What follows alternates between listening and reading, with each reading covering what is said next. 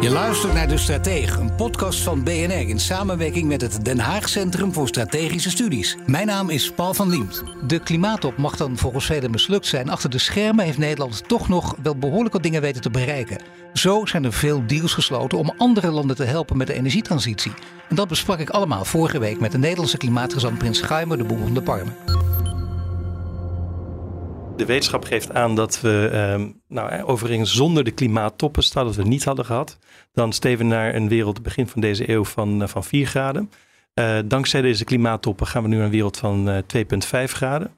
Maar we moeten naar anderhalf graad of daaronder blijven. Dus daar moet echt flink versneld worden. Dus alle afspraken die nu gemaakt worden, moeten ook nog eens een keertje toegepast worden maar ook nog eens een keertje uh, geaccelereerd worden. Dus we moeten echt versnellen uh, richting die anderhalve graad. Is het mogelijk? Uh, de, de, de wetenschap geeft aan dat, het, de, de, dat er nog een ruimte is om, om het te halen. Ja. Maar, maar, maar, maar die ruimte wordt steeds kleiner en, en dus we moeten echt gaan versnellen.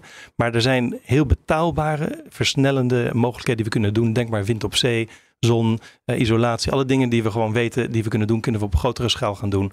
En dan kunnen we die anderhalf gaan. Wat vindt u dan van de relativerende geluiden? Ook af en toe uit wetenschappelijke hoek van mensen die zeggen: Nou, uh, eh, 1,8 kan ook. Uh, we doen al aardig ons best. We hoeven niet altijd die apocalyptische verhalen te horen. Dat doet, ook, uh, dat doet ons brein ook geen goed. Nee, dat, dat, dat is ook zo. Um, het is ook niet zo als je over de anderhalf gaat bent dat de hele mensheid daarmee, daarmee sterft.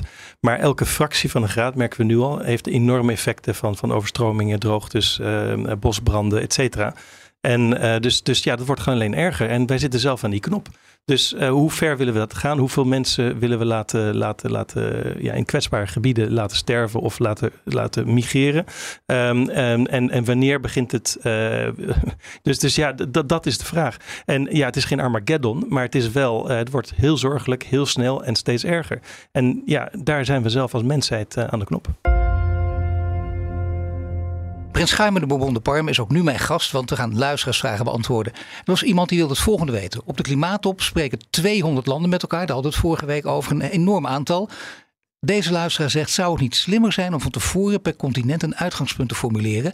En dat dan alleen de vertegenwoordigers van die continenten met elkaar in gesprek gaan. Dat betekent dan heb je geen 200, maar zes gesprekspartners. Die moeten het eens worden. Dat is veel makkelijker om nog maar te zwijgen over de carbon footprint van de top in Egypte. Oh, dat zou heerlijk overzichtelijk zijn. Dus ik, ik, ik, zou daar wel voor zijn. Alleen in de praktijk om dat toe te passen is lastig. Wij doen het al binnen Europa. Dus dan zie je dat alle Europese landen samenwerken. En hoeveel nou ja, onderhandeling dat van tevoren heeft om een Europees standpunt eh, te hebben voor zo'n klimaattop. En dan kijk je naar Latijns-Amerika, een ander groot blok. Maar daar heb je ook uh, landen die volledig met elkaar in een ander regime zitten. Denk maar in Venezuela versus, versus Chile of uh, Argentinië en Brazilië. En, dus het zijn allemaal landen die, die politiek eigenlijk tegenover elkaar zijn. Dus ik verwacht daar geen gemeenschappelijk uh, standpunt in. En dan Europa, ja, hadden we, moet dan, hoort Rusland erbij?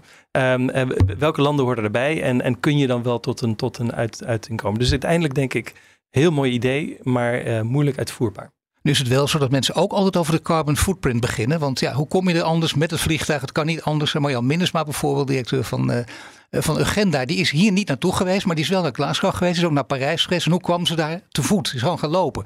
En ja, dat kon niet deze keer. Dus is nu niet geweest. Had ook geen zin geloof ik om daar naartoe te gaan. Maar uh, die carbon footprint, is dat een serieuze kritiek? Of is het, dan zeg je van ja, een beetje gezeur, want het kan gewoon niet anders? Nee, het, het, het kan niet anders. Het is een beetje, je moet, je moet vuur met vuur bestrijden. Dus helaas moet je soms het vliegtuig nemen om mensen in de ogen te kunnen kijken. En sommige mensen zeggen, nou doe dan op, op, op, op Zoom. Dan moet je voorstellen, een Zoom-scherm met 200 beelden. Ja. En, en uiteindelijk gebeurt het dus niet op als je je bordje van je land optilt en, en, en, en, en, en, en een opmerking maakt. Uiteindelijk gebeurt het allemaal in de gangen en bij de koffiemachine. En als je helemaal gaar s'avonds probeert ergens een broodje te halen en die niet te vinden is. Dus uiteindelijk op die momenten, uh, dat is wanneer je eigenlijk uh, elkaar spreekt en plotseling begrijpt dat de andere eigenlijk iets anders bedoelde dan je dacht te horen en tot een oplossing komt. Dus uiteindelijk moet je echt fysiek bij elkaar zijn. Dus uh, ja, ik, ik denk dat we daar, daar, daar, daar even realistisch naar moeten kijken. Hoe kunnen 200 landen bij elkaar komen tot een uitkomst komen als we elkaar niet fysiek ontmoeten? Ik denk dat veel mensen zich dat kunnen voorstellen, dat dat bijna niet kan per Zoom, maar zelfs bilateraal is kunnen op Zoom, zelfs met, met zo'n broodje en een slappe koffie kan ook nog op Zoom, maar dat blijft altijd anders. Ja, 200 landen is gewoon net te veel. En, uh, en als je kijkt naar, naar alles wat er omheen zit, ja, dan kun je wel zeggen, is dat wel, uh, dan heb je het puur voor onderhandelaars, dat is, dat is één groep, maar er komt nog een heel groot, grote groep erbij Ja, dat is de, de beurs per jaar om met elkaar te werken en oplossingen te bieden. En sommige van die oplossingen zijn echt heel nuttig. En een paar hele goede deals komen eruit. Die, die ook uh, echt de klimaatdoelen dichterbij halen. Die niet formeel deel waren van de klimaatonderhandeling. Dus ik zou zeggen, misschien zijn er nog steeds te veel mensen die naartoe gaan. Maar een groep mensen die echt naar oplossingen denkt, dat, dat blijft altijd nuttig. Dus ik zou toch altijd zeggen, um, uh, mensen kunnen ook eindeloos op vakantie gaan of uh, uh, autoverkopers kunnen eindeloos gaan reizen. daar zetten we geen limieten op, maar mensen die daadwerkelijk het probleem waar ze dus ook deel van uitmaken, proberen op te lossen, laat die vooral het vliegtuig nemen als het echt nodig is. Nou hadden we het vorige week ook over China. China mikt erop om in 2060 klimaatneutraal te zijn. Wij willen 2050. Kun je dan China als grootste land qua bevolking en uitstoot niet makkelijker meekrijgen als wij ook naar 2060 bewegen? Nee, juist niet. Um, want het probleem is dan te groot. Dus als wij niet, niet het voortouw nemen, dan gaan alle andere landen zeggen: Nou, weet je wat, gaan we allemaal op 2060 zitten. Dus ik denk dat wij op koers moeten blijven. Die kunnen we ook gaan halen. Um, en ondertussen proberen China te overtuigen om. Uh, om, uh, om ook te vervroegen met hun doelen. Ook dit is wel een lastig, want je probeert toch uh, een beetje naar elkaar te buigen. En uh, China kan dit ook weer als arrogant opvatten. Dat geeft niet, want dan zijn wij arrogant terug en dat is het hele spel dat gespeeld wordt. Maar je zou zeggen, nou, dan gaan we in het midden zitten. 2055. Of is dat ook echt gevaarlijk om dat te gaan roepen? Nou, als, als, als we alle berekeningen bekijken, dan kunnen we niet tien jaar als mensheid uitstellen om die doelen naar beneden te schuiven. Dus, dus dat, dat, dan, dan halen we het gewoon niet. Toch blijft het altijd wel die vraag. Niet voor niets dat ook een paar luisteraars die vraag stellen. We mikken nu op anderhalve graad opwarming. En dat doen we niet voor niets. Er zijn wetenschappers buigen zich er al jaren over. En overigens, als je die rapporten leest, extreem genuanceerde rapporten. Met heel veel verschillende scenario's erin. Het is niet zomaar wat. En, en ook heel veel overeenstemming, wat ook zelden voorkomt. Ik zeg er toch maar even bij. Maar ja, uiteindelijk zeggen mensen toch steeds: wat maakt nou eigenlijk uit? 1,5 graad, we hadden het de vorige week ook even over. Of 1,6 of 1,8 desnoods. Desnoods 2. We gaan toch niet ten onder als het 2 is? Nee, we gaan niet ten onder, maar we krijgen het wel zo heel erg zwaar dat het leven dat je nu hebt uh, niet meer zo kan voeren zoals je het hebt. En dat is de directe impact op, op Nederland, maar, uh, maar ook op de handelsstromen die naar Nederland toevoeren, het verdienvermogen, waar de voedsel vandaan komt, et cetera, wereldwijd. Dat wordt allemaal uh, geraakt. En dan is de vraag, ja, wat is onze, onze, onze kracht op die tijd om, om, om daar goed doorheen te komen? En het kan, kan zijn dat we daar echt het het heel erg zwaar krijgen. Dat je het echt kunt vergelijken met, met de tijden in en rond, rond een oorlog. Dat is echt zo extreem. Dus dat betekent dat we ook even af moeten, langer in de kou moeten zitten als dat zo zou zijn. Of dat we te warm krijgen, of dat we gewoon uh, heel veel middelen niet tot ons krijgen, inderdaad. Wat, wat de wetenschap aangeeft, is elke fractie van een graad meer is exponentieel groter effect op, uh, op klimaatverandering. Dus meer droogtes, meer, meer stormen, meer uh, bosbranden, um, overstromingen, et cetera. Dus um, ja, de biodiversiteit gaat eraan, allemaal dingen. Dus ik denk niet dat de mensheid als geheel in één keer stopt met bestaan. Maar de mensheid krijgt het steeds veel en veel en veel zwaarder. En de vraag is hoe zwaar we het laten, laten komen. En onder de anderhalf graad krijgt het al heel zwaar. We merken nu al het verschil. Dat wordt alleen maar erger. Maar uh, daarboven wordt het exponentieel erger. En, ja, en dat, dat, dat is iets wat je moet zien te voorkomen. Interessant is wel als we naar de wetenschap kijken. Dat uh, die anderhalve graad, er zijn mensen die zeggen dat is ook niet meer te halen. We zijn er al te ver overheen. Het is helaas maar waar. Het kan niet anders. Dus we moeten echt iets anders gaan doen. Om, om zo reëel mogelijk te zijn. Om mensen ook niks voor te spiegelen. Maar als je de wetenschap kijkt. Die zegt nou als je rigoureuze maatregelen kunt nemen. Of in ieder geval maatregelen zelfs die genomen kunnen worden. Kan het nog steeds. Anderhalve graad kun je halen in 2030. Dat is wat de wetenschap zegt en, en daar hou ik me heel graag aan, aan vast. Als ik naar het ziekenhuis ga, dan vraag ik ook een doktersadvies. En ik weet niet zoveel van, uh, van, van ziektes. En, nou, een second opinion. Dus dan, en nou, dan vraag ik een second opinion. Nou, hier zijn duizenden second opinions van gevraagd. Ja. En, uh, en, en die bevestigen hetzelfde beeld. En dat wordt allemaal samengevat in het IPCC. Dat zijn de klimaatwetenschapsrapporten. En, uh, en, uh, en die wordt door alle landen ook bekeken en, uh, en, en bevestigd. Dus, dus dat is het. en, en die geven het scenario aan dat we de anderhalf graad nog net kunnen halen. De kansen zijn heel klein.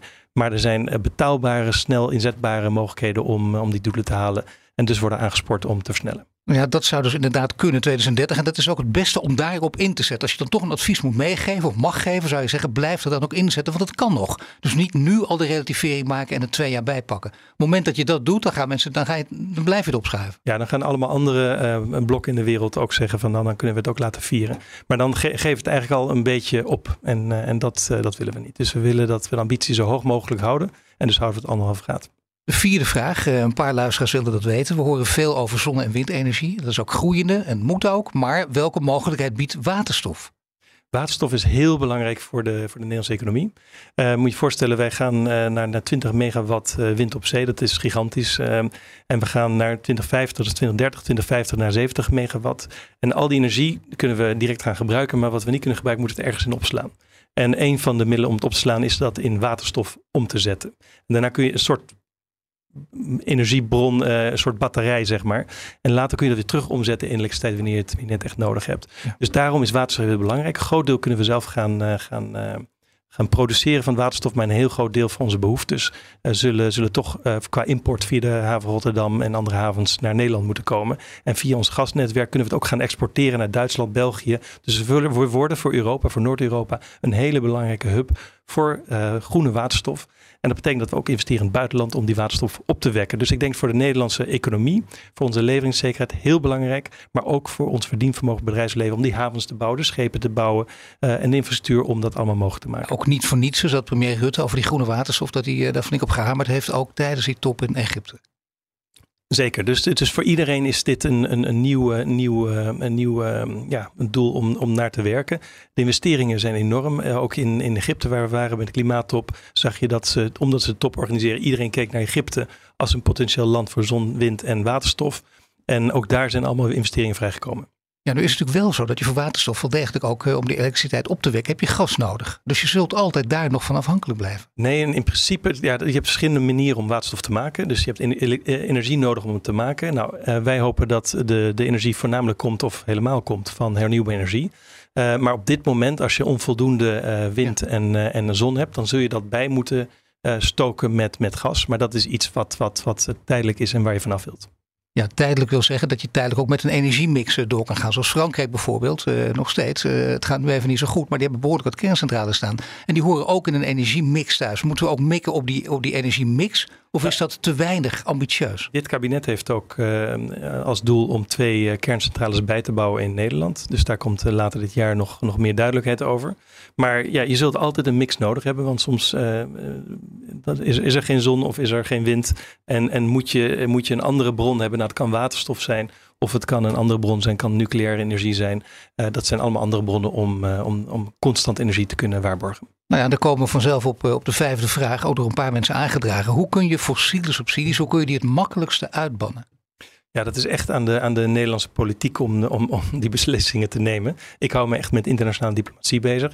Daar zijn we wel bezig om, uh, om uh, nou ja, een besluit hebben genomen om in het buitenland onze, onze exportkredietverzekering niet in te zetten. Dus ons overheidsgeld niet in te zetten voor fossiele projecten in het buitenland.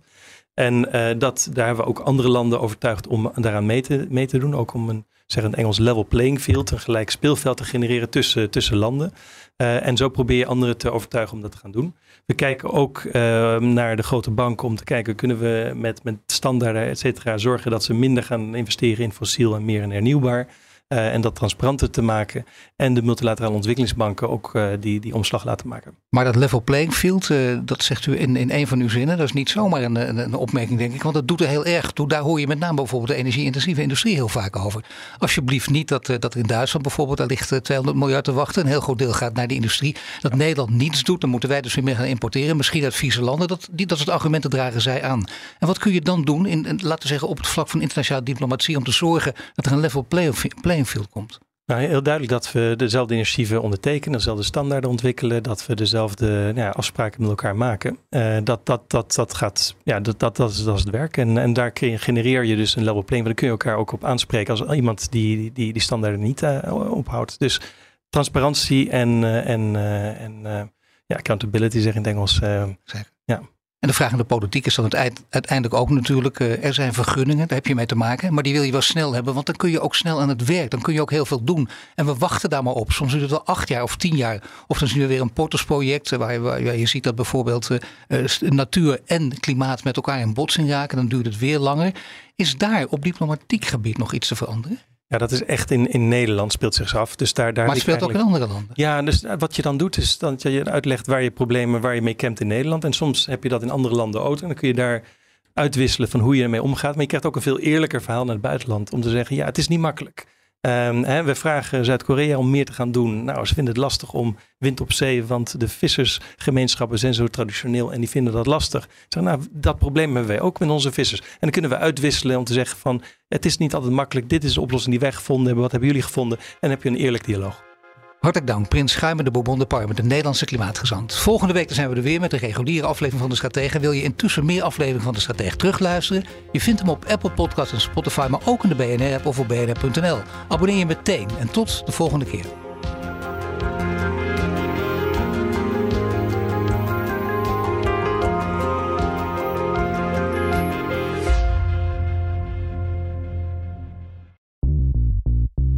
BNR ben je altijd als eerste op de hoogte van het laatste nieuws. Luister dagelijks live via internet. Jelle Maasbach. Wesley Weert. We zijn er voor je met het leukste, opvallendste, maar natuurlijk ook het belangrijkste nieuws. Tijdens de presentatie van die halfjaarcijfers toen die beurskoers in elkaar kukkelde. BNR Beurs. Voor de slimme belegger. Blijf scherp en mis niets.